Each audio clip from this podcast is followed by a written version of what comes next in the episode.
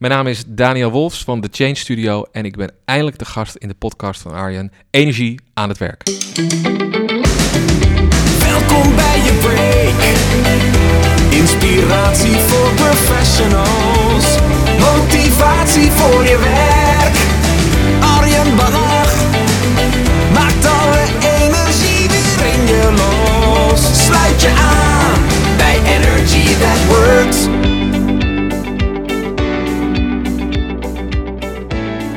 Ja, hartstikke gaaf dat je er weer bij bent. Een nieuwe aflevering van de podcast Energie aan het Werk. Tof dat je weer luistert en er staat weer een hele inspirerende aflevering voor je klaar. En zoals je in de intro hebt gehoord, is dat dit keer met Daniel Wolfs. En hij is van de Change Studio. En waarom ben ik zo enthousiast over deze podcast? Dat komt omdat verandering iets is wat iedereen op dit moment aangaat die aan het werk is. Die op een bepaalde manier bezig is met het vraagstuk hoe kunnen we ons werk op een vernieuwende manier organiseren. Dan weet je dat verandering noodzakelijk is. Je moet aanpassen om succesvol te kunnen zijn in de wereld van morgen. En Daniel die uh, neemt ons in het komende interview mee op zijn inspirerende weg hoe hij omgaat gaat met vernieuwing in organisaties.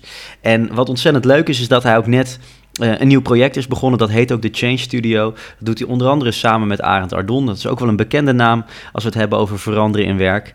En uh, samen zijn zij met nog twee anderen bezig om organisaties te helpen met hoe zorg je nou dat je van verandering daadwerkelijk een geslaagde reis maakt. Want het blijkt zo te zijn dat nog steeds veel veranderingen niet echt goed loskomen van de grond. Er wordt veel gepraat, er worden plannen gemaakt, maar nog steeds slaagt zo'n verandering niet. En Daniel gaat er onder andere ook op in, ook hoe hij dat net even iets anders ziet. Maar vooral ook waar je op moet letten als je wil gaan veranderen als organisatie. Tot slot is het dan ook goed om even te benoemen dat de podcast op dit moment ook wordt gepubliceerd op HR Community. Dus alle luisteraars die via HR Community komen, ook aan jullie hartelijk welkom bij de podcast. Abonneer je vooral ook eventjes op Energie aan het Werk via de iTunes Podcast Store. Um, en je kan op www.energieaanhetwerk.nl kan je alle andere oude afleveringen terugluisteren, waar ook heel veel pareltjes tussen zitten. En mocht je een reactie achter willen laten of een recensie, dan is dat hartstikke fijn voor de ranking van de podcast. En tot slot, als je nog leuke sprekers weet, uh, gave organisaties met een inspirerend verhaal, dan mag je het mij ook altijd even laten weten via een mailtje arjen.arjenbannach.nl. En dan nu het interview met Daniel Wolfs. Sluit je aan bij Energy That Works.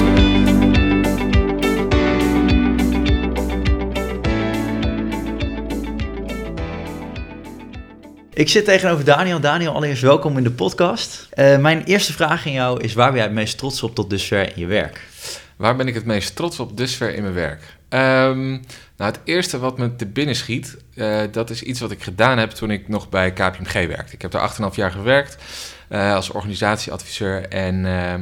Ja, het mooie is, dit heeft niet per se te maken met mijn werk als adviseur, maar, maar wel met iets over hoe laat je mensen nou met elkaar uh, tot grootste dingen komen. En dat, dat, er, dat er ook daadwerkelijk iets, iets, iets magisch gebeurt.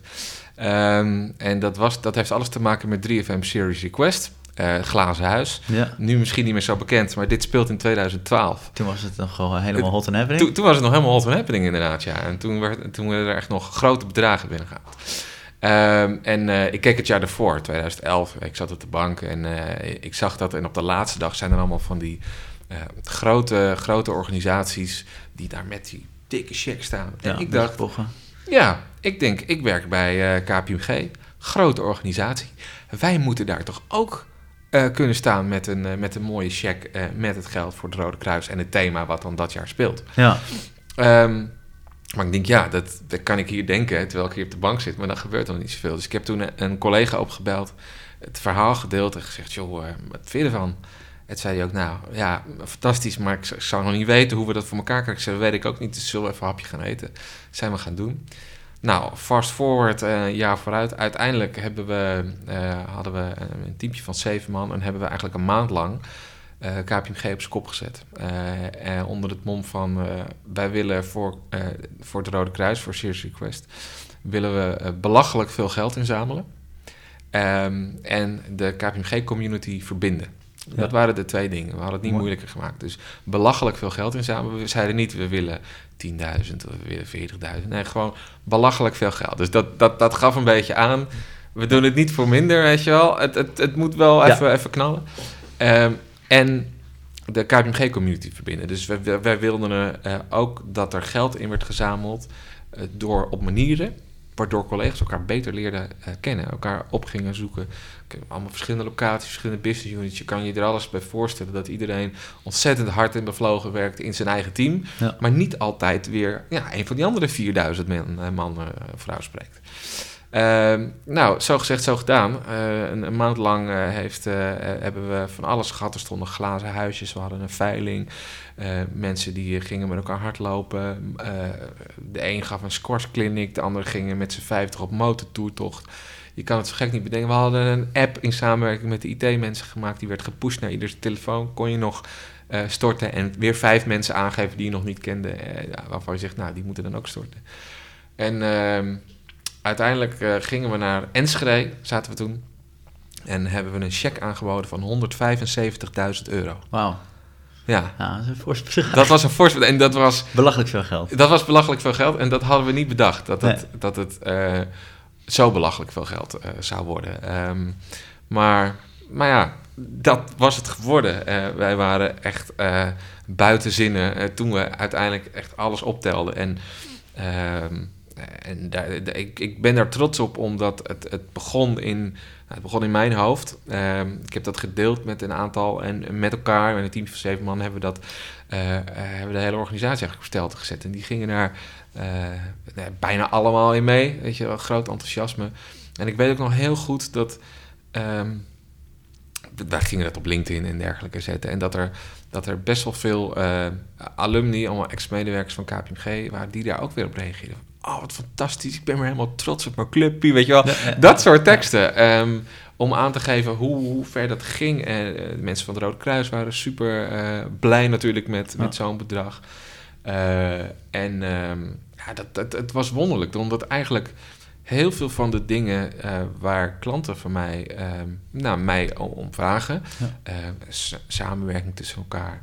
eh, mensen die vanuit zichzelf dingen oppakken in plaats van afwachten. Dat gebeurde eigenlijk op dat moment. Iedereen startte zijn eigen initiatief. Iedereen zocht anderen op. Er was mega veel energie. Helemaal geen draagvlak traject of wat dan ook. Eh, het, het gebeurde en we kwamen met elkaar in korte tijd tot, tot een eh, fantastisch resultaat. Ehm, en eh, dat was zo'n. Dat, dat was voor mij echt een magisch gevoel. Dat ik daarom ook eh, eh, als titel voor mijn eerste boek Magic Makers had. Omdat dat, dit voorbeeld staat er ook in centraal. Ja. Ehm, maar dat was echt eh, een van de momenten waar dat ik dacht, wat is hier gebeurd? En Ja. ik, ik kan er nog steeds met veel trots, maar ook veel plezier over vertellen. En eh, ik weet niet hoe lang de podcast duurt, maar weet je, als het een podcast van vijf uur was geweest, had ik makkelijk vijf uur kunnen vertellen over al die dingen die we toen hebben meegemaakt. Ja. Wat er gebeurde en hoe we het hebben gedaan. En nou, daar, zitten gewoon heel veel dingen in waar ik ook in geloof. In, in als het gaat over verandering en samenwerking eh, eh, bij organisaties. Maar ja, dit, het, het balde allemaal samen in een soort hele heftige maand waarin echt alles gebeurde. Maar er zat natuurlijk veel meer voorbereiding aan, aan vast. Ja. Ja. en dat allemaal op basis van twee hele simpele dingen. Belachelijk veel geld verdienen en zoek andere mensen op om dat Ja. geld te verdienen. Weet je, daar ging het eigenlijk om. Belachelijk veel geld inzamelen. Ja, dus eh, dat is wel iets waar ik enorm trots op ben. Ja, Ja. kan ik me voorstellen. Wauw. En, wat je al zegt, hè, dat is natuurlijk een beetje de thematiek die cen- centraal staat in alles wat je doet. Eh, Tot, tot mooie hoogtes komen, Ja, eh, magische dingen bereiken met de mensen samen. ja. Ehm, vervolgens heb je, heb je ook, je, heb je, ook je, je boek geschreven. Ehm, wat, wat was dan de aanleiding concreet om dat boek te schrijven, Magic Makers? Was dat ook deze ervaring? Ehm, het interessante is wel dat op een gegeven moment moet je natuurlijk gaan schrijven. Ja. Kun je heel veel ideeën hebben, maar er is nog geen boek totdat je eh, je laptop opent of je iPad op schoot legt en gaat schrijven. En ehm, ik wist dat, dat, de, de, dat deze ervaring en ook wel nou, een aantal lessen die daarin zitten, dat dat een, een basis zou zijn voor de rest van het boek. Dus eh, ehm, eh, ik ben toen, wat uiteindelijk de proloog is geworden, gaan schrijven. En ik weet nog, ik zat volgens mij een uurtje of twee.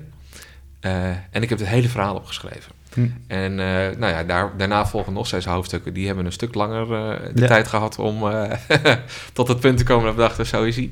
Ehm, maar dit hoofdstuk schreef zichzelf gewoon. Ehm, en, eh, dus het was wel een heel belangrijke aanleiding inderdaad. Omdat ik dacht, ja, zie je, wat daar gebeurt, dat, dat zou eigenlijk nog meer mogen en moeten gebeuren in, in organisaties. Gekoppeld aan ehm, dat ik ook de wens had om, om veel van de ervaringen die ik had opgedaan in die eerdere 8,5 jaar, om die eens te bundelen, eh, op papier te zetten. In de hoop dat dat eh, nou ja, ook eh, resoneert bij, bij mensen die met, met dezelfde vraagstukken of uitdagingen zitten. En het wellicht nou ja, op zoek zijn naar inspiratie of een manier om het weer eens anders te doen. Ehm, dus die combinatie daarvan maakte dat op een gegeven moment de Magic Makers in de winkel lag. Wauw. Wat, wat, wat er binnen schiet, hè? want dat, dat vind ik dan op zich wel weer interessant. Eigenlijk loop ik nu wel heel erg vooruit op wat, Ja. wat ik in het interview wou, eh, wou vragen. Maar wat wel interessant is, dat juist jij ziet iets en je, je, je neemt initiatief. Ja, En dat is iets waar jij ook vaak over spreekt, over adviseert. ja. Van hoe zorg je nou dat mensen, hè, gewoon, je bent ook gewoon een professional van KPMG, ook daadwerkelijk met initiatief nemen en iets komen wat bruist waar andere mensen op aanhaken. En dat is op dat moment heel erg goed gelukt. ja. Eh, wat zorgde ervoor dat, dat jij dan daar iemand was in de organisatie die deze stap heeft gezet? Ehm, Was je heel betrokken, bevlogen? Hoe, Zeker. Kijk, het hielp dat ik op dat moment... eh, eh, ik, eh, ik heb er 8,5 jaar met ontzettend veel plezier gewerkt. En er waren een aantal momenten dat je echt met, met, met 200, 300 procent commitment en betrokkenheid bij zo'n club werkt. En eh 2012 was wel zo'n moment. En waarom Ehm. waarom ontstond- ontstond die commitment? Ja, nou ja, ik denk dat alles een beetje samenkwam. Ik deed, ik deed mooie opdrachten. Ik had een tof team om me heen waar ik mee werkte. Eh, eh, die elkaar inspireerden. Ehm, en ehm, eh, nou, ik, ik werkte er toen vijf, zes jaar, denk ik. Dus je had ook een, een, een wat breder netwerk opgebouwd binnen de club. Dus je zag ook wat voor toffe collega's er ook nog bij al die andere teams waren. En op een gegeven moment heb je dan, nou ja, voel je het vertrouwen, zie je het potentieel, geloof je in een idee wat je zelf hebt en kun je het eigenlijk niet, niet doen. Ehm, en als je dat een beetje combineert met elkaar, dan, eh, dan kom je hiertoe. En het is meer, weet je, misschien was het ook mislukt, ja, net zo goed. Maar ehm, ik denk omdat dat, dat, dat, dat ik samen met een aantal anderen eh, er zo in geloofde, dat dat ook wel weer aanstekelijk werkt. En eh, Ja. Ehm, ja, we- alles wat we deden, daar lieten we in zien dat we het op een andere manier wilden doen. Dus ook om de raad van bestuur te betrekken, dachten we, ja, we kunnen een memo schrijven. Een keurige memo, dan wordt het besproken in het raad van bestuur overleg. We dachten, ja, dat gaan we anders doen. Dus eh, eh, samen met, eh, met de andere initiatiefnemer hebben we toen bij een, bij een ehm, antiekwinkel hebben we zo'n oude cassette recorder gekocht met een bandje erin. En hebben we onze tekst opgenomen. En wat we wat kwijt wilden aan de raad van bestuur. Ook alsof we op dat plein stonden in Enschede en de check aanboden. En in één keer stond per verrassing eh, de, die, die, die cassette recorder op het bureau van de raad van bestuur voorzitter met de twee visitekaartjes erop geplakt. Ja. Voor de rest helemaal niks. Ehm, fantastisch. eh, en, en, en dat soort dingen, eh, dat, is gewoon één voorbeeld van hoe we het, eh, hoe we het gingen aanpakken. Ehm, en dat maakte, er, dat maakte het dat, dat we er zelf lol in hadden. Eh, dat anderen ook zagen, nou, dit is even anders. Ik we- we weten nog niet waarom staat hier nou een cassette record. Maar ja, je gaat die cassette record niet, je gaat toch op play je gaat toch even luisteren. En zo kwamen we in gesprek. En, en, en op het moment dat je echt wel ergens in gelooft, dan kun je het ook wel zo overbrengen dat, dat mensen denken, nou, weet je, daar ga ik wel in mee. Ehm, dus ehm, dat, dat, gebeurde ook, eh, dat gebeurde ook wel eh, op dat moment. Ja. Maar ik vind een prachtig voorbeeld van hoe je, want je, je bent betrokken, bevlogen, maar eh, dat, dat de uitkomst en daadwerkelijk is dat, dat, dat, dat je initiatief neemt en dat het ook heel veel eh, heel- zijn vruchten afwerpt voor de hele organisatie. En, Ja. en, en wat je ook in het begin wel zegt, is dat eh, je zit goed op je plek, dus je hebt een baan die eigenlijk aansluit, maar ook gewoon Ja. goed contact met collega's. En Ja. dat, dat toch blijkbaar wel essentiële voorwaarden zijn voor vanuit het niets iets gaan maken. En dat, eh, ja, dat, dat, dat, dat inspireert wel heel tof. Ja. En ehm, ja, vanuit het boek, hè, dan heb je het ook voornamelijk over verandering in organisaties. Daar Ja. doe je nu ook heel veel mee, adviseer je mee. Dus even een bruggetje daar naartoe. ja. Eh, Kan jij eens uitleggen waarom veranderen zo belangrijk is vandaag de dag? En waarom is veranderen zo belangrijk vandaag de dag? Nou, ehm, ik denk omdat er überhaupt, eh, wat ik in, in, eh, kijk, in de maatschappij zijn er behoorlijk veel eh, eh, ontwikkelingen. En ook ontwikkelingen waardoor die maatschappij steeds dichter bij organisaties komt te staan. Dus ik werk veel voor maatschappelijke organisaties, regionale samenwerkingsverbanden, eh, gemeentelijke eh, instellingen, overheidsinstellingen, zorgorganisaties. allemaal organisaties die daadwerkelijk dicht bij die samenleving staat. Mhm. Eh, waar een burger mondiger wordt, eh, waar een burger ook steeds meer invloed krijgt op hoe het überhaupt allemaal eh, gaat. Of waar eh, cliënten steeds meer ehm, eh, nou, bijna macht krijgen over eh, eh, bij welke zorgorganisatie eh, ze, weet je, ze naartoe gaan, ze geholpen willen worden.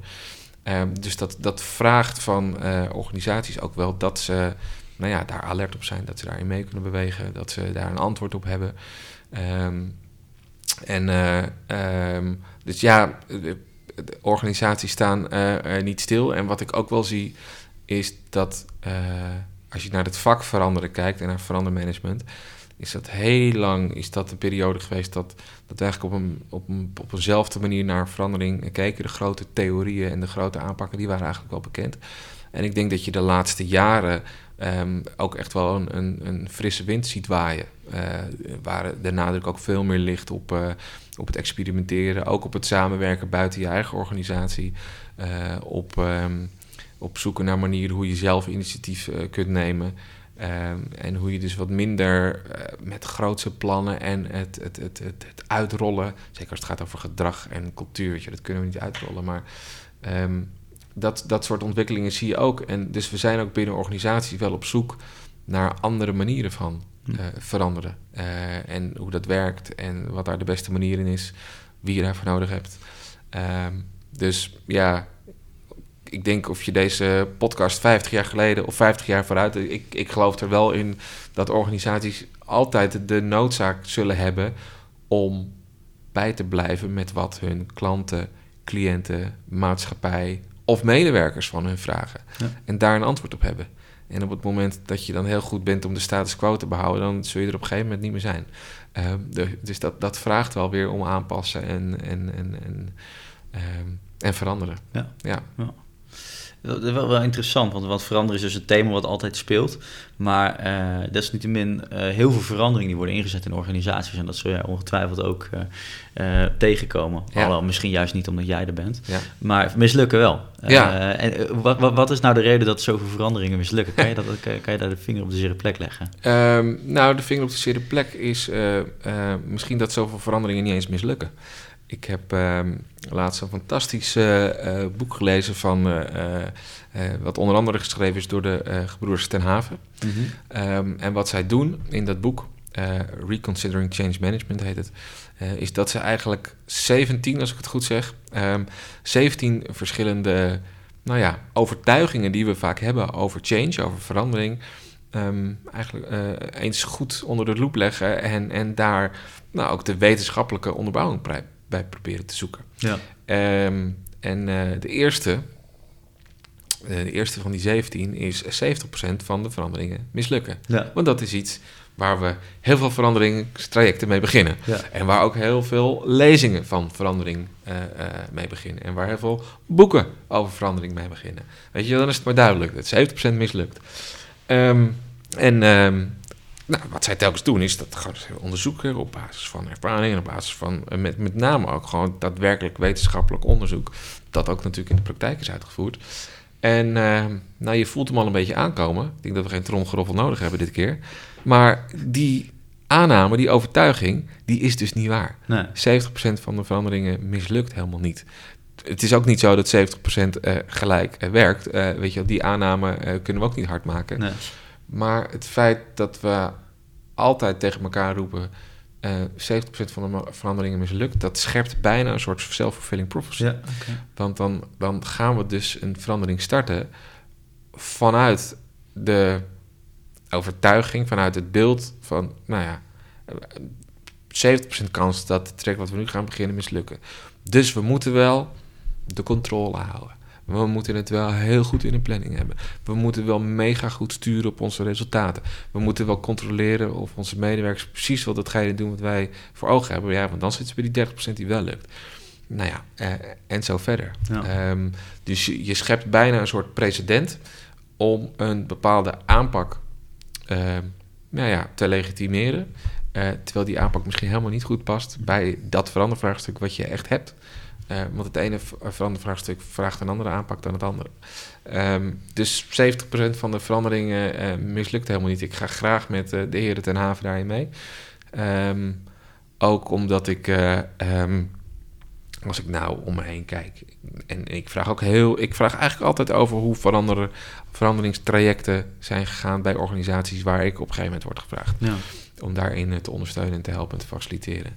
Eh, en het is nooit zo dat, eh, dat, dat 70% van hun veranderingen altijd maar zijn mislukt. Natuurlijk waren er altijd verbeteringen mogelijk of gingen er dingen niet goed, maar er waren net zo goed succesverhalen, eh, experimenten die wel waren geslaagd, voorbeelden van fantastische verandertrajecten die over meerdere jaren destijds zijn verspreid en zijn, wel zijn gelukt. Dus ehm, ik, ehm, ik denk dat we er maar eens vanaf moeten om van het idee dat die verandering mislukt. Ik denk dat we, eh, dat, we dat prima kunnen. Ehm, en dat er tegelijkertijd ook nog wel enorm veel potentieel eh, zit. Zeker weten. Maar dat het altijd mislukt, nee, dat, dat, dat zeker niet. Nee. Nee. Mooi. Ik, volgens mij is dat ook de juiste mindset. Als je wil veranderen, dan moet je toch denken in mogelijkheden in plaats van onmogelijkheden. En dan is het al veel mooier om te zeggen, in- in- inderdaad, om te zeggen, niet, niet te zeggen 70% van de veranderingen mislukt, maar slaag misschien niet in eerste instantie, maar zet al wel heel veel goede dingen in gang. En dan moet je dan in doorgaan. En eh, dan daarop de volgende vraag. Als je dan kijkt naar de veranderprocessen die jij misschien begeleidt, wat zijn nou de paar essentials waarvan jij zegt van nou die stappen die moeten er wel genomen worden om te zorgen dat je een omgeving creëert waarin zo'n verandering kan plaatsvinden? Ehm, nou, ik denk dat een aantal dingen belangrijk zijn. Kijk, ik, ik ehm, ben veel bezig met eh, eh, verandering waar eh, samenwerking een ontzettend belangrijk aspect is Ja. tussen verschillende teams binnen een organisatie of tussen organisaties. Waar het gaat over dat los van de implementatie van een systeem of een nieuwe procedure ook eh, verandering van gedrag wordt gevraagd of verandering van een cultuur. Maar cultuur is niks anders dan hoe je met elkaar omgaat. Lees ook gedrag Ja. en interactie. Ehm, eh, dus weet je, en in die hoek zie ik wel een aantal dingen altijd terugkomen. En ehm, kijk, wat enorm helpt is, eh, ehm, is als je met elkaar, ja, ik noem dat een middelpunt zoekende strategie hebt. Ja. Dat is een moeilijk woord. maar een middelpunt zoekende strategie is eigenlijk niets anders dan dat je weet wat je met elkaar bindt. Dus heel veel eh, samenwerking en eh, verandering in samenwerking starten vanuit verschil. Ja. Namelijk, wij doen als team dit en wij doen als team dit en wij doen als organisatie dit. En nou, met die verschillen maar eens even kijken wat we dan misschien gemeen hebben. Nee, als het goed is, heb je met elkaar een cluster klaren. Ja. Heb je als verschillende eh, teams de, ehm, de verantwoordelijkheid en met elkaar de beste zorg te leveren voor je cliënten. Of ehm, eh, moet je zorgen dat je als teams over verschillende landen uiteindelijk met elkaar fantastische producten in de schappen hebt liggen als je een retailbedrijf bent. Ehm, maar het starten vanuit eh, wat je bindt, daarmee bundel je een stuk beter eh, de verschillen. Ja. eh, in plaats van te starten vanuit verschillen. Dus dat, dat is er eentje. Zo'n verbindend perspectief, middelpunt zoekende strategie, net hoe we het noemen. Maar iets waarvan je zegt, dat is hetgeen waarvoor we het doen. Kan- Kan je dat misschien met, met één voorbeeldje concreet maken, hoe je dat misschien een keer hebt gezien tussen, wij niet in de verschillen, maar juist op dat binnende, die binnende factor ging zitten? Ja. Nou, kijk, ehm, eh, een, een, eh, eh, wat, wat mijn leidraad daar altijd in is, dat zo'n middelpunt zoekende strategie of verbindend perspectief, dat moet concreet genoeg zijn voor iedereen om te snappen, Ja. maar abstract genoeg om je eigen invulling eraan te geven. Oké. Eh, en dat is, dat is nog een uitdaging, Ja, ja. hè? Want ehm, eh, concreet genoeg voor iedereen om te snappen, dat klinkt misschien nog wel makkelijk, maar we verhullen onszelf natuurlijk altijd genoeg in een hele lastige managementtaal, Ja. waardoor het wat vager wordt en eh, waardoor we gewoon niks meer mee kunnen. Ehm, maar abstract genoeg om je eigen invulling eraan te geven. Het moet, het moet wel zo zijn dat dat zo'n middelpunt zoekende strategie, verbindend perspectief, is niet iets wat je, waar je 80 pagina's voor nodig hebt. Ja. Waar je het helemaal dicht bouwt. Waar het helemaal klopt, maar je als individu, medewerker, manager, leidinggevende niet meer kan zeggen: hé, maar dat is de bijdrage die ik eh, lever aan de, aan de klus die we samen moeten klaren. Nou, Kijk, wat ik een fantastisch voorbeeld vind. ehm, ik, heb, ik heb het nooit aan hun kunnen vragen. ehm, maar eh Coolblue heeft natuurlijk alles voor een glimlach. ja. Dus in alles wat zij doen. eh, of dat nou richting eh, hun collega's is, richting jou als klant. Ik bedoel, jij zal ook net iets, eh, als ik, wel eens iets bij Coolblue hebben besteld. Mhm. Eh, overal wat zij doen, is, is, is alles voor een glimlach. Ja. Dat, dat, dat, dat, en dat is concreet genoeg voor iedereen om te begrijpen. Ja. Je hoeft niet na te denken, is dat dan 60% glimlach of 70% glimlach? Nee, Nee. Alles voor, het is heel duidelijk. Ja. Weet je, een glimlach is een glimlach. Maar het is abstract genoeg om je eigen invulling aan te geven. Want ik kan dat weer op een hele andere manier doen, die bij mij past, eh, dan jij dat doet en dan eh, persoon eh eh, C dat doet. Ehm, dus dat vind ik eh, sowieso van in ieder geval een bekend bedrijf, wat iedereen kent, echt een prachtig voorbeeld van, eh, ehm, van zo'n middelpunt zoekende strategie. En kijk, eh, destijds bij het eh, eh, 3FM Serious Request avontuur waar ik je over vertelde, eh, belachelijk veel geld inzamelen eh, door met elkaar samen te werken. Dat was ook een middelpunt zoekende strategie. Ja. Ehm, ik heb ook een zorgorganisatie gehad waar ehm, eh, we, we willen geen jongeren meer uit onze handen laten vallen. Dat was er ook eentje. Ja.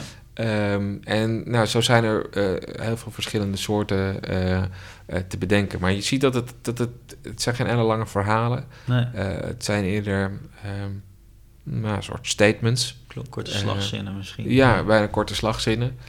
die, die aangeven waar je, nou, wat de klus is die je met elkaar moet klaar, waar je elkaar voor nodig hebt. En dat daaronder nog van alles hangt en waar je nog wel eens een aantal dingen concretiseert. Dat is prima. Maar ehm, we vergeten vaak te benoemen wat onszelf bindt. En Ja. de samenwerking en de veranderingen die dat niet hebben gehad, die zie ik eer. Ik zal niet zeggen dat dat 70% kans is dat het mislukt.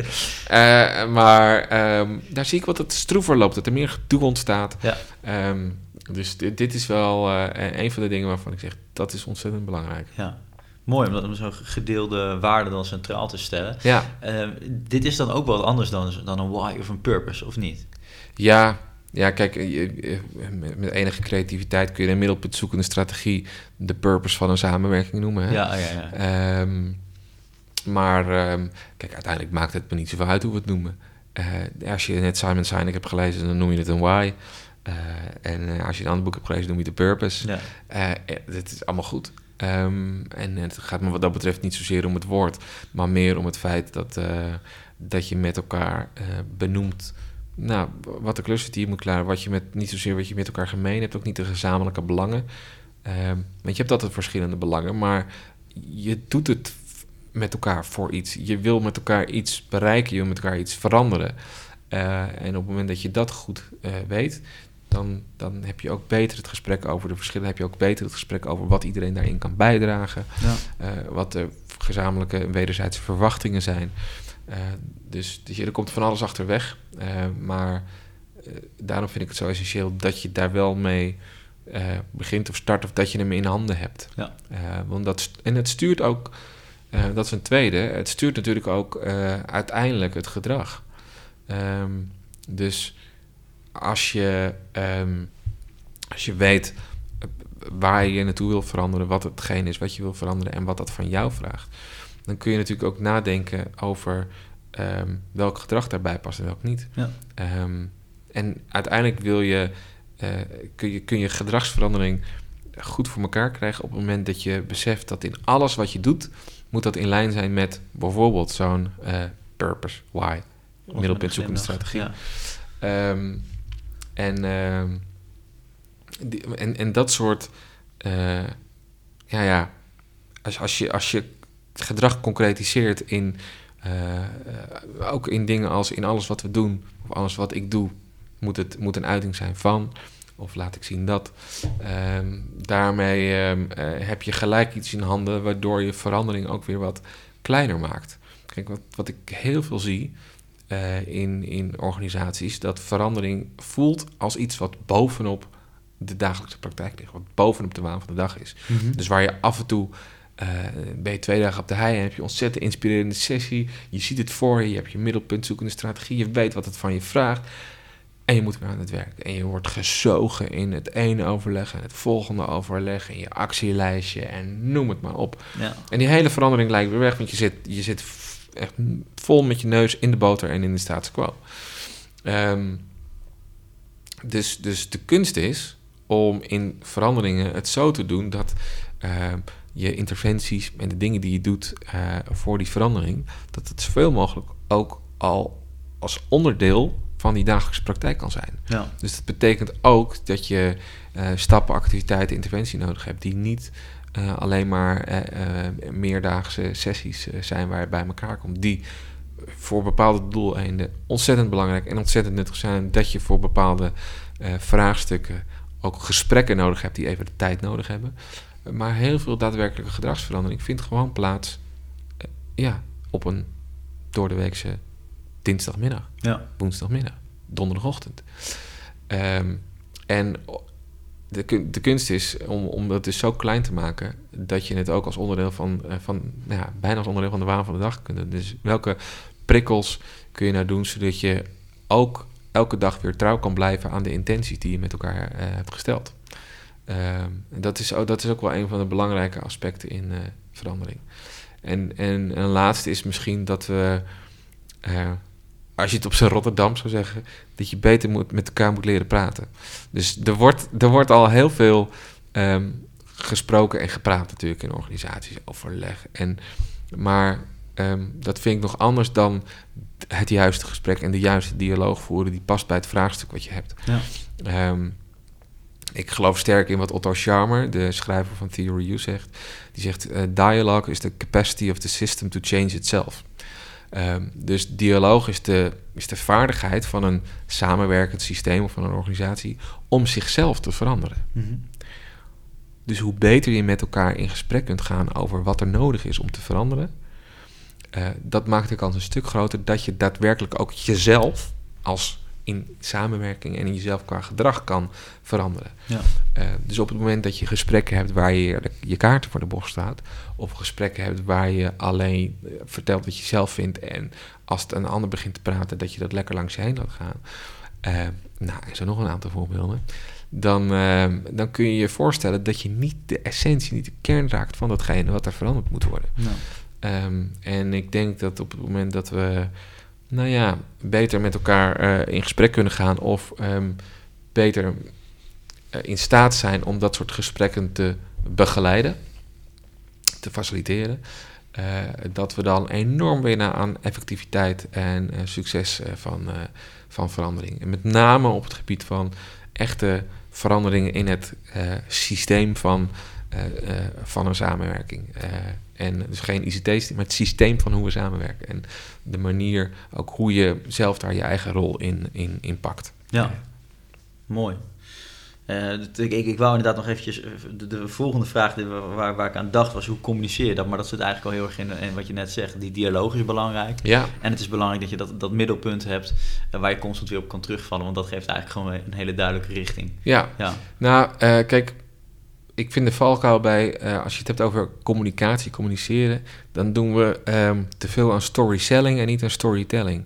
Dus communicatie gaat vaak over het vertellen van dat ene perfecte verhaal van veranderingen wat we dan met elkaar bedacht hebben. Ehm, maar echt storytelling gaat over dat ik bij de koffieautomaat sta en vertel over ja, iets wat ik spannend vond om te doen, maar wel een verandering wat ik met mijn team heb doorgevoerd, waar ik trots op ben en wat uiteindelijk heeft geleid tot een bepaald succes. ja, Ehm, wat precies in lijn is met datgene wat we proberen te veranderen. En als ik dat als andere collega hoor, dan denk ik, oh wauw, hoe heb je dat gedaan? Zullen we daar eens verder over praten? Of kunnen mijn medewerkers eens met die van jou eh, praten? Want zij spelen met dezelfde uitdaging, maar blijkbaar heb jij er al een antwoord op. Ehm, dus die, die verhalen die over de werkvloer gaan, die door de gangen van een organisatie zweven, dat zijn de verhalen eh, waarmee je echt verandering communiceert. Ja. En waarmee er ook een dialoog ontstaat. En ook een dialoog die een zoektocht is. Eh, maar ehm, die, die vind ik een stuk eh, essentiëler dan het, het, het communicatiedocument of een ja. filmpje of wat we dan ook kiezen. Ehm, om een verandering te communiceren. Dus Ja. eh, nee, ik geloof meer in de storytelling op de werkvloer. ja.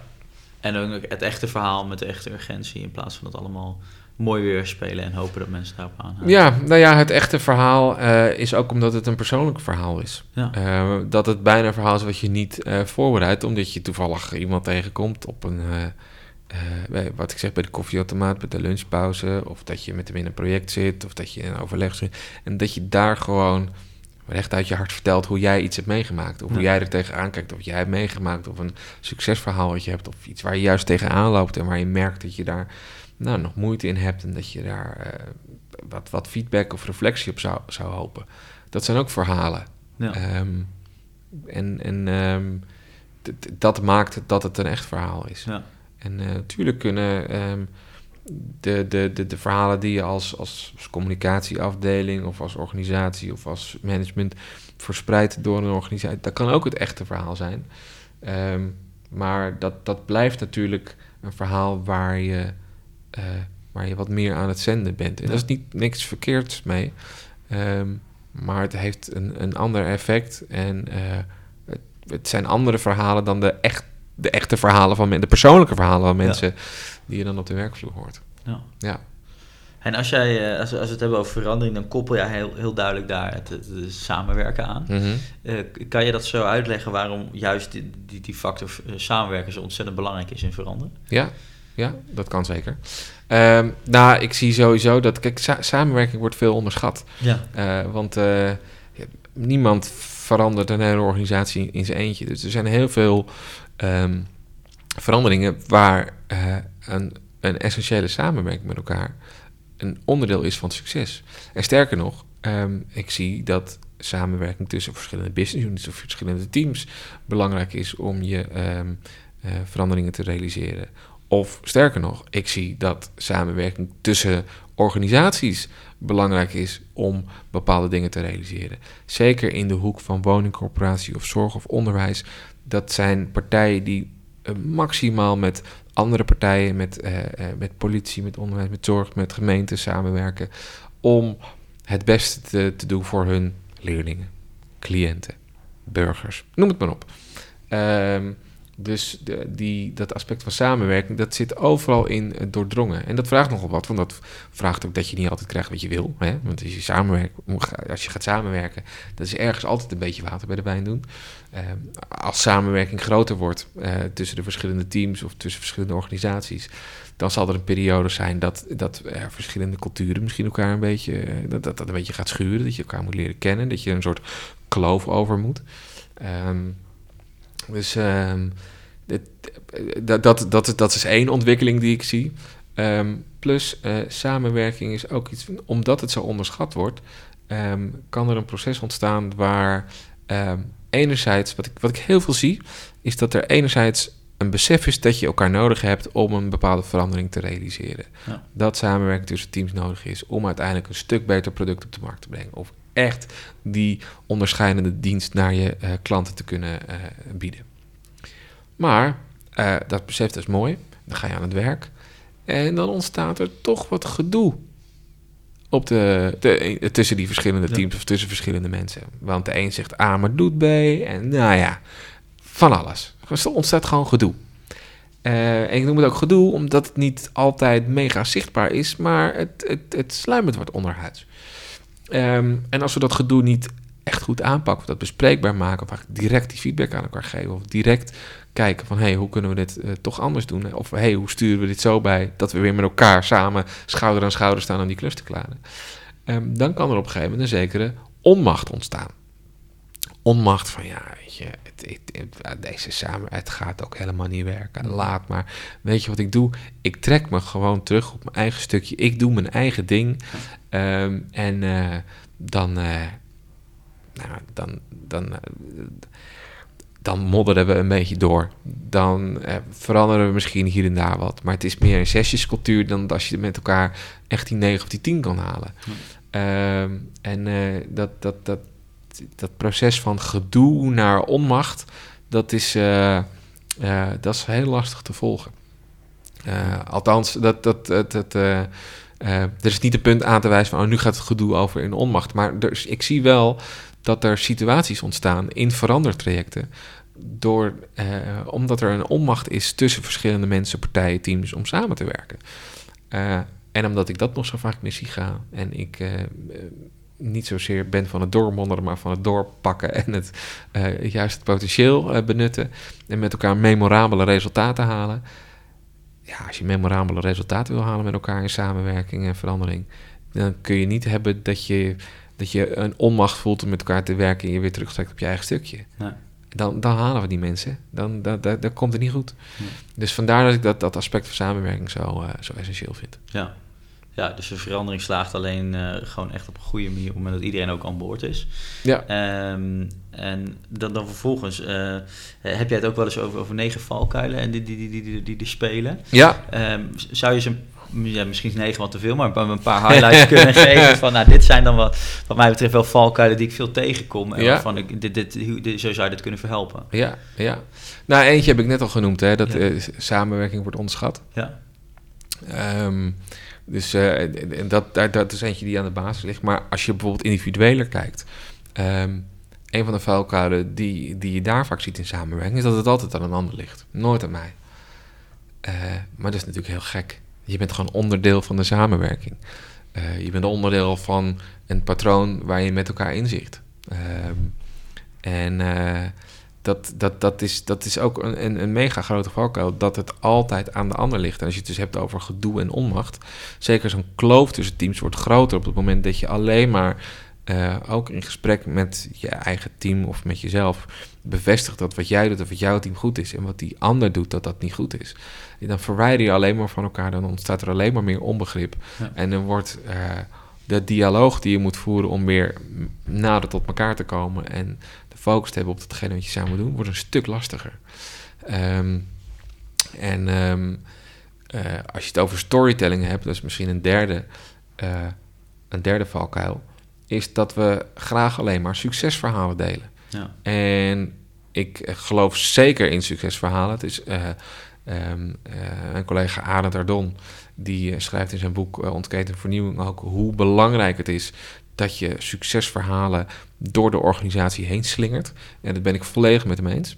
Ehm, en tegelijkertijd zullen er bij veranderingen altijd ehm, zaken zijn die lastig zijn, die, die, die, eh, ja, waar, waar wellicht ook een bepaalde angst zit om echt te veranderen, omdat je denkt, ja, dat gaat nog wel wat, wat van mij vragen. Ehm, en eh, we zijn geneigd om dat weerstand te noemen, maar dat, dan, dan sla je het plat op een verkeerde manier. Ehm, dus ook op zoek gaan naar verhalen waar nou ja, een angst in zit om te veranderen, of wellicht enig cynisme in zit om te veranderen. Daarin zit ook wel een veranderuitdaging besloten, die soms niet uit de weg moet gaan. Dus ehm, die, eh, ehm, dat is ook een valkuil die ik vaak in, in, in, eh, in samenwerking en verandering zie. Dat we elkaar ook alleen maar willen vertellen hoe goed het gaat. Ehm, en dat is ook iets anders, hè. Vertellen waarom je zo trots bent op bepaalde veranderingen die je met elkaar wil bereiken. Dat is iets anders dan vertellen waarom het zo goed gaat. ja. Eh, en dat is weer iets anders dan vertellen van... joh, ik merk toch wel dat ik met dit en dit aspect van de verandering of samenwerking... erg, erg aan het worstelen ben. Of dat, het, dat ik me afvraag of ik het wel kan. Of dat ik het spannend vind om in deze constructie met elkaar samen te werken... want dat heb ik nooit eerder gedaan. Maar op het moment dat je dat soort gesprekken ook kunt voeren met elkaar... ehm, en je uiteindelijk weer het succes wat je dan met elkaar boekt... weer dus organisatie inslingert... Ja, dan, eh, dan beginnen de dingen echt Ja. eh, te ontstaan en eh, te sprankelen binnen een organisatie en eh, binnen een verandering. Dat, dat, dat vraagt wel een beetje een veilige omgeving als je zo echt kwetsbaar op kan stellen natuurlijk. Ja, dat klopt. Dat klopt. En dat is dat makkelijk gezegd dan gedaan, hè? Een veilige omgeving. hè. Wat is dat nou? Ja, Wat is het nou? Ik zou niet, ik zou niet weten dat ik... Ik, ik kan... eh, je kunt niet aanwijzen ergens... Je kunt niet iets fysieks aanwijzen. Je zegt, oh, nou, een veilige omgeving. ja, Ehm, maar- veilige omgevingen ontstaan eh, eh, uiteindelijk vaak als, als je... ehm, eh, als er een aantal mensen zijn die eigenlijk laten zien eh, hoe zij... Nou ja, als, als ze hun persoonlijke verhaal op een of andere manier delen. ja, Of dat nou een persoonlijk verhaal is over hoe je eh, in een samenwerking zit, of een persoonlijk verhaal hoe je tegen de verandering aankijkt, of een persoonlijk verhaal over wat het met je doet als iemand anders iets eh, zegt. Ehm, en je met elkaar daar in alle, nou ja, openheid, eerlijkheid en ook vooral nieuwsgierigheid over kan praten. Dat zijn wel belangrijke ingrediënten als het gaat over zo'n veilige eh, omgeving. Ehm, en dat is, dat is altijd nog wat makkelijker te creëren als je met z'n tweeën bent, in plaats van dat je met z'n tienen, dertigen, dertigduizenden eh bent. Ja. Weet je wel, hoe groter de omgeving, hoe lastiger het natuurlijk is om een ve- veilige omgeving te creëren. ja. Ehm, en eh, dan, dan gaat het ook weer over andere grootheden. Maar ja, eh, er, komen altijd wel een aantal aspecten terug. En die dingen die ik net noemde, die, die, eh, eh, die zijn daarin belangrijk. Ehm, maar ja, het, het, is, het, is, het is zeker een, een, een, een, een randvoorwaarde. En anderzijds denk ik dat we het altijd een stuk onveiliger maken op het moment dat we noemen dat we gaan benoemen. Nou, het moet hier wel een veilige omgeving zijn. Dat geeft eigenlijk aan Het is niet dat, dat het nog niet zo onveilig is. En als je het niet nodig hebt om het, te, om het te benoemen, dan is de kans groot dat je al een hele veilige omgeving met elkaar hebt gecreëerd. Oké, dat is een mooie om mee te nemen. Ja. En eigenlijk zit, zit dat, die veilige omgeving wel een stukje cultuur. En volgens mij is cultuur, je, hebt- volgens mij is dat ook een van je hoofdstukken in je boek heel belangrijk om, Ja. om die verandering eh, in, in gang te zetten. Ehm, hoe kijk jij eigenlijk aan tegen die cultuur? Welke omgeving zou je nou moeten scheppen met elkaar om te zorgen dat het kan slagen? Dat zal waarschijnlijk ook nog wel iets overstijgender zijn dan alleen de, de interactie tussen medewerkers. Nou ja, kijk, ehm, cultuur is, is niks anders dan hoe je iedere dag met elkaar omgaat en interacteert. Mhm. Dat is cultuur. Ja, Cultuur is niet eh, iets wat in een document staat beschreven van zo gaan we met elkaar om. Nee, cultuur is wat er gewoon daadwerkelijk gebeurt. ja, Eh, wat je in het hier en nu, in een overleg, in, aan de lunchtafel, eh, in een projectteam, hoe men met elkaar daar omgaat. Ehm, dat, is, dat, is, dat is cultuur. ja. En eh, ik, ik, nou, ik vind het belangrijk omdat het benoemen, omdat er vaak zo gewichtig wordt gedaan over cultuur. ja. Maar als je het zo ziet, dan zit je er eigenlijk elke dag middenin. Ja. En heb je ook elke dag wel kans om daar je eigen draai aan te geven. Want elke dag biedt weer ja, nieuwe mogelijkheden, nieuwe kansen, nieuwe gesprekken om met elkaar weer eh, een bepaalde kant op te kunnen gaan, een bepaalde verandering te realiseren, een bepaalde innovatie van de grond te brengen. Ehm, dus ehm, op het moment dat je een cultuur eh, zou willen waarin mensen eh, eh, initiatief nemen om, eh, eh, ja, om nieuwe producten of diensten eh, van de grond te krijgen, dan eh, het, het enige wat je dan nodig hebt zijn een aantal mensen die daarin de ruimte voelen en pakken. eh, en mensen die ook die ruimte daarin kunnen, kunnen geven. ja. Ehm, want, en, en dat klinkt heel simpel, maar het is zo venijnig, omdat het gebeurt zo vaak dat ondanks dat we die, eh, die, dat doel met elkaar hebben om een, een innovatieve cultuur te hebben, dat als er iets ontstaat, dat een manager of een leidinggevende zegt, ja, maar oh, daar wil ik nog even naar kijken. Wat betekent dat? Kun je nog eerst een business case maken? Eh, die en die moet je er nog bij betrekken. Eh, luister even, ik wil er zelf ook nog iets over zeggen.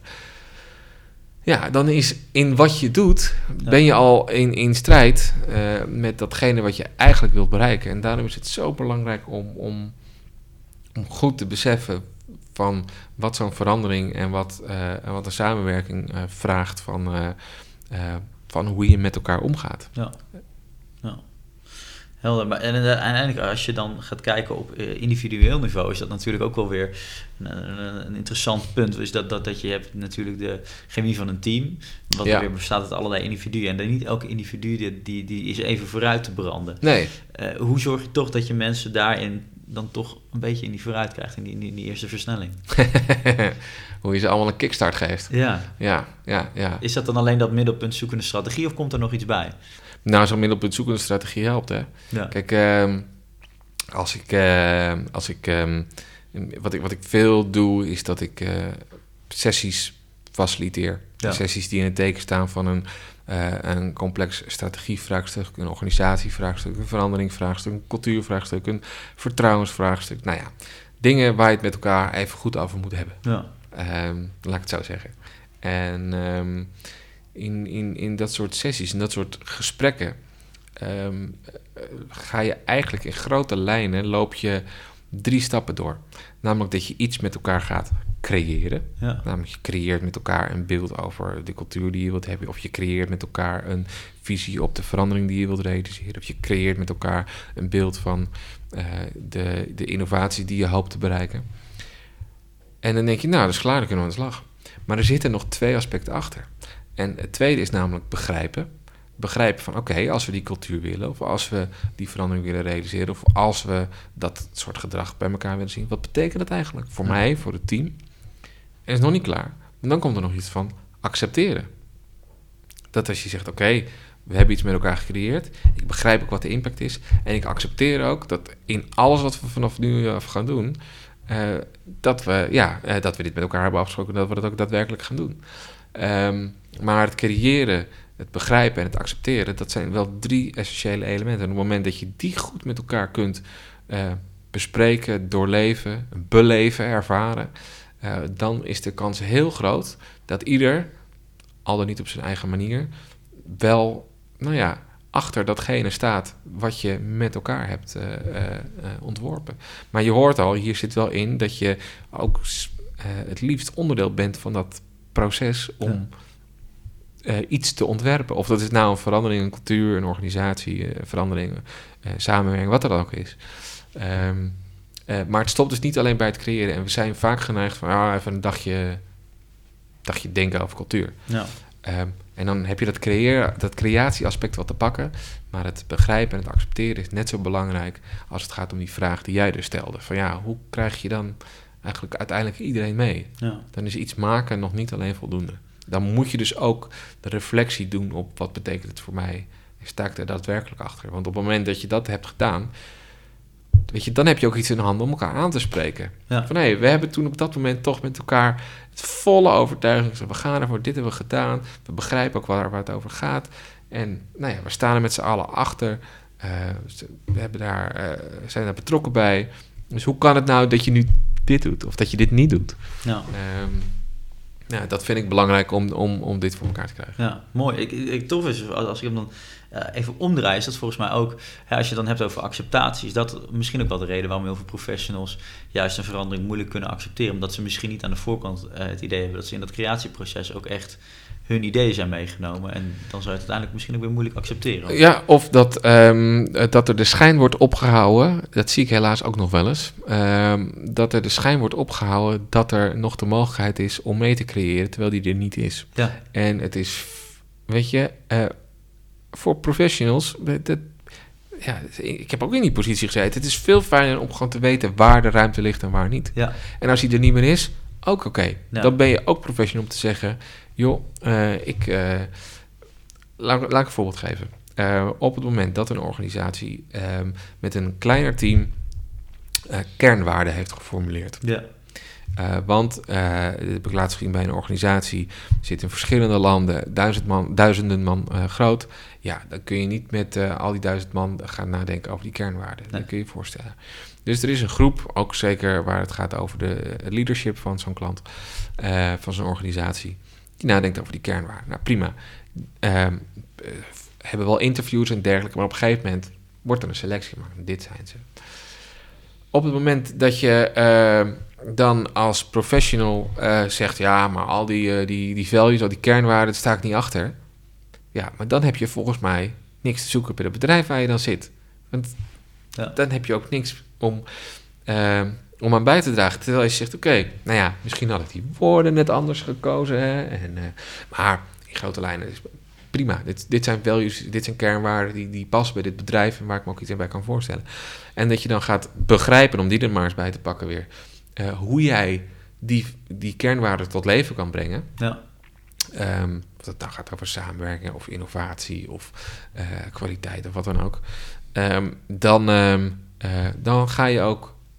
Dan komt het proces van acceptatie ook wel weer. ja, dus je hoeft niet altijd mee te creëren. Het is fijn, maar er zijn situaties waar dat niet kan.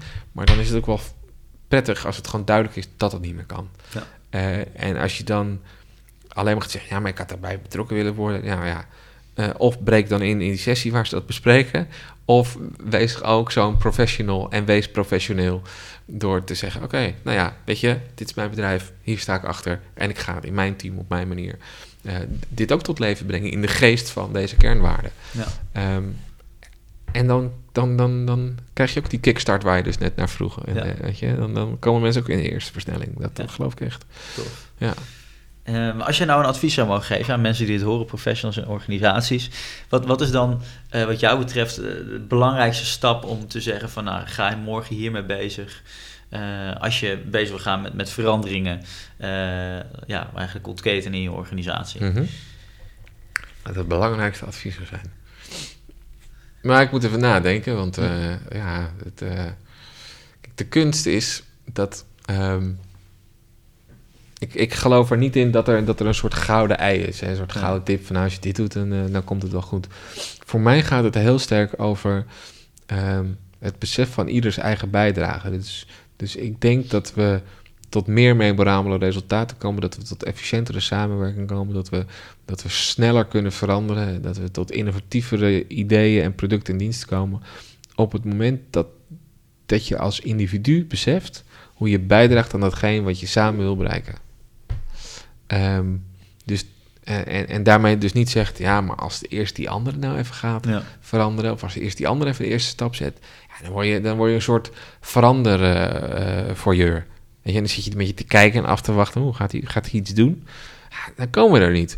Eh, magic makers, om die term er maar bij te pakken, eh, dat zijn de mensen die, ondanks dat anderen misschien denken, gaat niet lukken, ondanks dat eh, anderen zeggen, ja, maar er is toch wat geld niet voor, ondanks dat anderen zeggen, eh hebben we al een keer gedaan, dat dat degene zijn die eh, erin geloven dat zij vanuit hun eigen talent, professionaliteit, kracht, ehm, netwerk, intelligentie, kennen, weet ik veel, dat zij een, een, een eerste stap kunnen zetten om een bijdrage te leveren aan datgene wat je samen wil bereiken. Ja. Ehm, dus eh, en, en op het moment dat we eh, dat dat besef er meer is, dat je eh, als, ook als individu eigenlijk altijd elke dag weer een soort walhalla van mogelijkheden is om jezelf en je team en je organisatie weer een klein stapje dichterbij die verandering te zetten die je wilt realiseren. Ehm, dan, dan, eh, dan, dan, dan gaan eh, samenwerkingen, dan gaan veranderingen eh, een, stuk, eh, een stuk beter.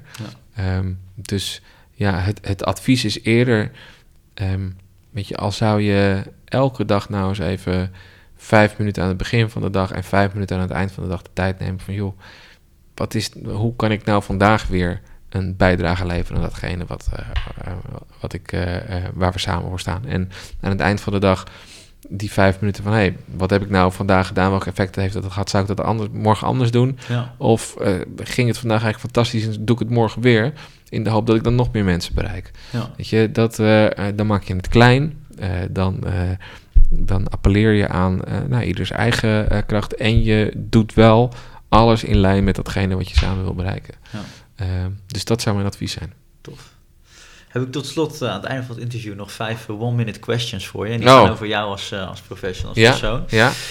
De eerste is, wie is jouw grootste inspiratiebron geweest of nu? In mijn werk bedoel je? Je mag hem vrij interpreteren. Mm, mm, mm. Nou, wat ik net zei, ik heb ehm, eh, Otto Scharmer is wel een in- inspiratiebron voor mij geweest. Schrijver van Theory U. Ehm, en dat ik weet nog dat ik dat, dat ik dat boek las, Theory is een dikke pil. Eh, en ik dacht, wat een verschrikkelijk boek. Ik ga het nog een keer lezen. Want er gebeurde wel heel veel en het, zette me aan het denken.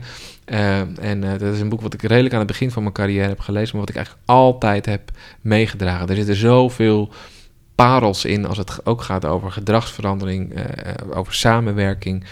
Een van de dingen die hij noemt zijn dat je drie, er zijn drie stemmen die verandering tegenhouden. Stem van het oordeel, oh dit gaat niet werken. Eh, stem van het cynisme, ah dat hebben we al 80 keer gedaan, waarom zou het niet werken? En de stem van de angst.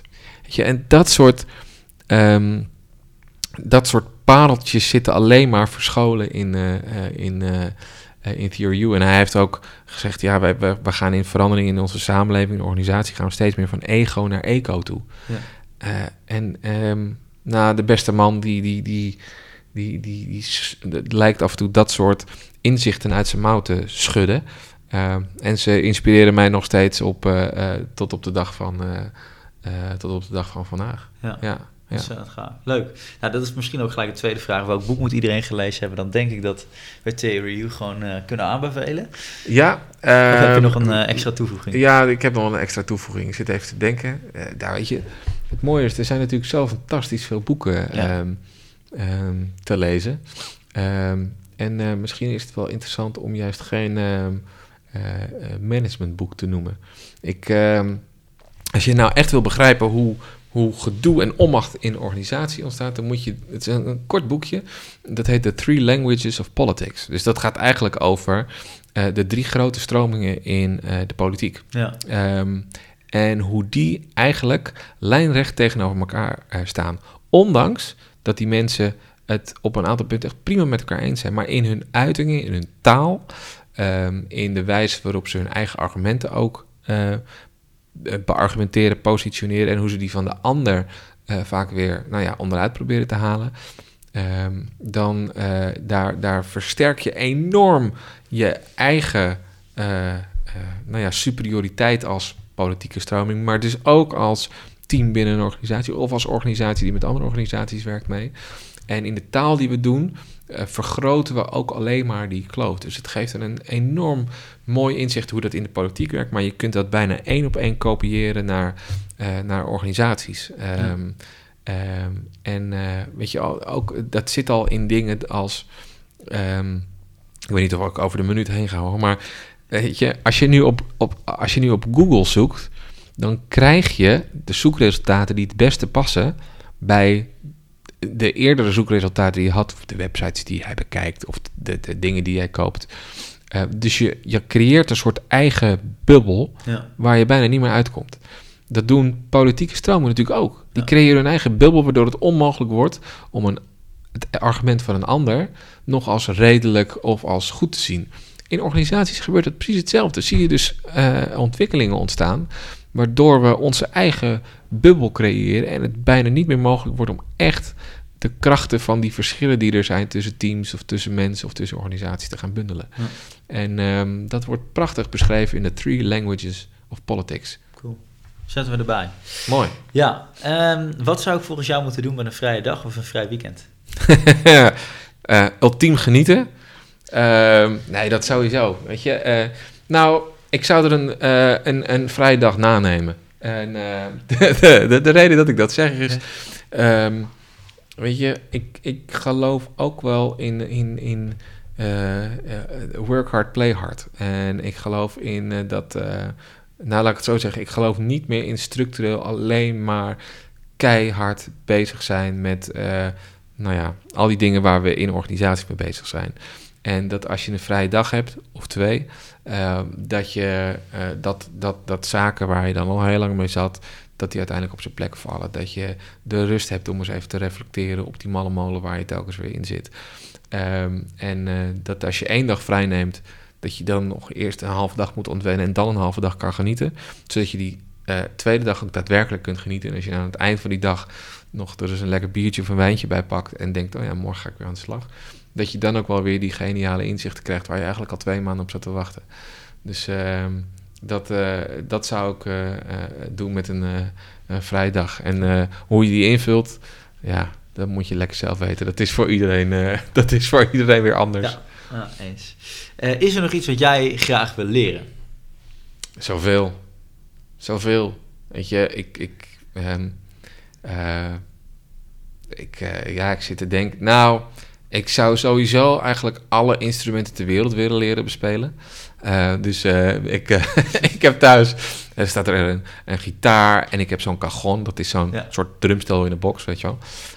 Ik heb een keyboard en ik kan er. Ik, nou, gitaar kan ik er wat meer, maar op de meeste instrumenten kan ik drie liedjes bij en that's it.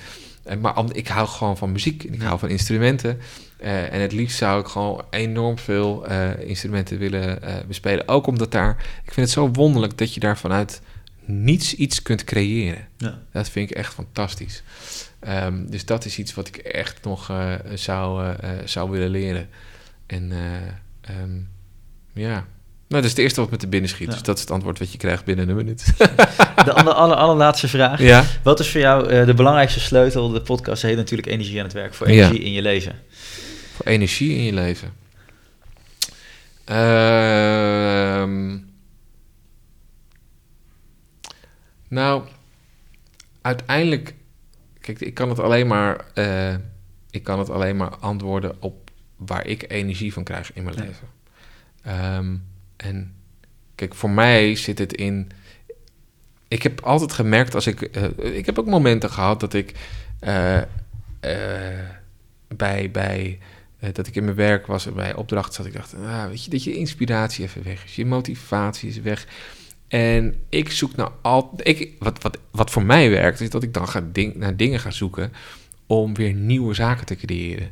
Eh, dus eh, dan, ehm, dan ga ik totaal nieuwe rapportages ontwerpen. Of ik ga een, een, een totaal nieuwe manier van sessies ontwerpen. Ik ga gekke interventies bedenken. Ik, ehm, eh, ik, eh, ik ga. ehm, eh, ik ga een, artikel schrijven met een idee wat al een tijdje in mijn hoofd zat. En wat ik nou eens echt eens wil even ga uitplaatsen. Dus ik, ik moet dan gaan creëren. Dus als ik net iets te veel merk van, ah, wacht even, ik zit nou de dingen te doen die, waarvan ik weet dat ze werken en die ook goed gaan, en die, maar ik haal er minder lol uit. Ehm, dus ik moet altijd, ik moet dingen gaan creëren die er niet waren, die er niet zijn, waar, waarvan ik zelf denk, nou, dit is het beste idee wat ooit in de wereld is, is gekomen. En natuurlijk is dat het nooit, weet je wel. Eh, ja, enige bescheidenheid moet ook een beetje sieren. Maar ehm, dat, dat hele proces van nieuwe dingen doen, nieuwe dingen creëren, daar weer eens wat mensen bij halen van, kijk eens wat, daar enthousiast van worden en dat er nog van alles mogelijk is, dat helpt mij altijd om eh, eh, plezier in mijn werk te hebben. Ehm, en, en, eh, en uiteindelijk gewoon de dingen doen waarvan je weet dat je daar tot je recht komt. Dus ehm, eh, ik, ik ben in de, in de gelukzalige omstandigheid dat ik, dat ik ehm, opdrachten mag doen, dat ik werk mag doen, dat ik, dat ik eh, door klanten bij vraagstukken wordt gevraagd waar ik razend enthousiast van word. Eh, waar ik eh, groepen kan begeleiden in hele lastige gesprekken. Waar ik mee kan denken over hoe je verandering van de grond krijgt. Waar ik na kan denken over interventies en initiatieven om, ehm, eh, om, om verandering een, een kickstart te geven. En ehm, dat, is, dat is geweldig om te doen. Dus het enige wat ik probeer is mezelf in die posities te manoeuvreren. Zodat ik daar tot mijn recht kom. En als je tot je recht komt, dan heb je mega veel plezier in je werk. Dan gaat alles vanzelf. En dan haal je ook het meeste uit jezelf en uit anderen, denk ik. Ja, prachtig. Mooi einde van het interview. Hartelijk dank. Zeer graag gedaan. Sluit je aan bij Energy That Works.